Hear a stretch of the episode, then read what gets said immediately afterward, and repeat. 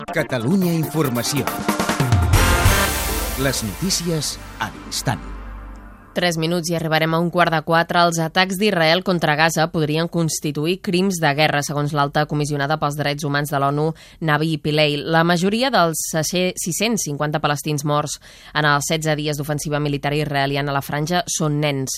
La magnitud de la tragèdia ha portat a la regió el secretari d'Estat nord-americà, John Kerry, i també el secretari general de l'ONU, Ban Ki-moon. Però a hores d'ara encara no hi ha notícies d'un alto al foc que ells pretenen. La situació a Gaza és desesperada.